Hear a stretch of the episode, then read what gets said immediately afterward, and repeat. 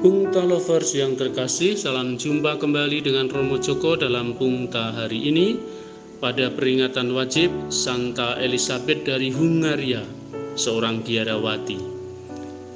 Diambil dari Injil Lukas bab 19 ayat 11 sampai 28. Renungan kita berjudul Angon Bebek menjadi gembala umat.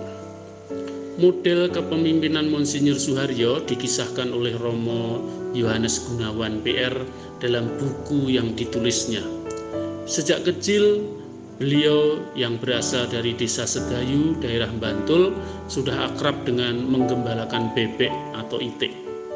Kami dibiasakan ikut merasakan jerih payah orang tua, kata beliau. Sejak kecil memang sudah diberi tanggung jawab masing-masing mulai angon bebek mengembalakan itik lalu menjadi gembala umat menjadi imam menjadi dosen menjadi uskup dan sekarang menjadi kardinal. Dapat dipercaya dalam perkara kecil seperti menggembalakan bebek itu maka dipercaya lagi ke perkara yang lebih besar.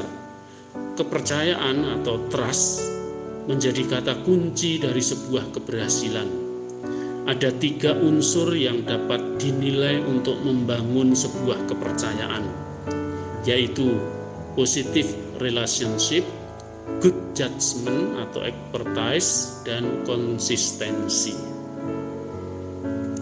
Kepercayaan didasarkan pada bagaimana membangun hubungan yang baik dengan semua pihak. Relasi positif akan memperluas areal positif relasi positif memudahkan kita diterima di semua wilayah tugas kita.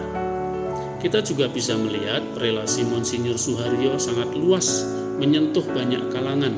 Sahabat-sahabatnya ada di berbagai lingkaran. Unsur kedua dari kepercayaan adalah ahli di bidangnya atau expert. Seorang pemimpin harus ahli di bidangnya, menguasai bidang yang diampunya, kita bisa melihat sebagai dosen kitab suci, Monsinyur Haryo adalah ahlinya. Seorang mahasiswa di Kendungan dulu pernah berkata, kalau ikut kuliah Romo Haryo, kitab suci itu menjadi mudah dimengerti. Beliau runtut menjelaskannya dan jelas. Tidak perlu ada pertanyaan karena semua sudah terang benderang. Unsur terakhir dari kepercayaan adalah konsistensi seorang pemimpin itu menjadi teladan, melakukan apa yang dikatakan. Di dalam konsistensi ada kejujuran dan integritas. Kita belajar dari Monsinyur Haryo, sejak sebelum menjadi uskup pun, kalau mengikuti rapat-rapat, beliau selalu ambil duduk di depan. Beliau pernah berkata, Romo itu kan pemimpin. Lah kalau Romonya duduk di belakang, umat pasti nanti takut dan segan untuk duduk di depan. Pungta lovers yang terkasih, dalam Injil, Yesus memberi perumpamaan tentang hamba yang diberi kepercayaan untuk mengembangkan mina. Setiap orang mendapat satu mina. Ada yang berhasil mengembangkan menjadi sepuluh mina dan lima mina. Tetapi ada juga yang tidak berbuat apa-apa. Tuhan itu berkata, Baik sekali perbuatanmu itu, hai hamba yang baik. Engkau telah setia dalam perkara kecil, karena itu terimalah kekuasaan atas sepuluh kota.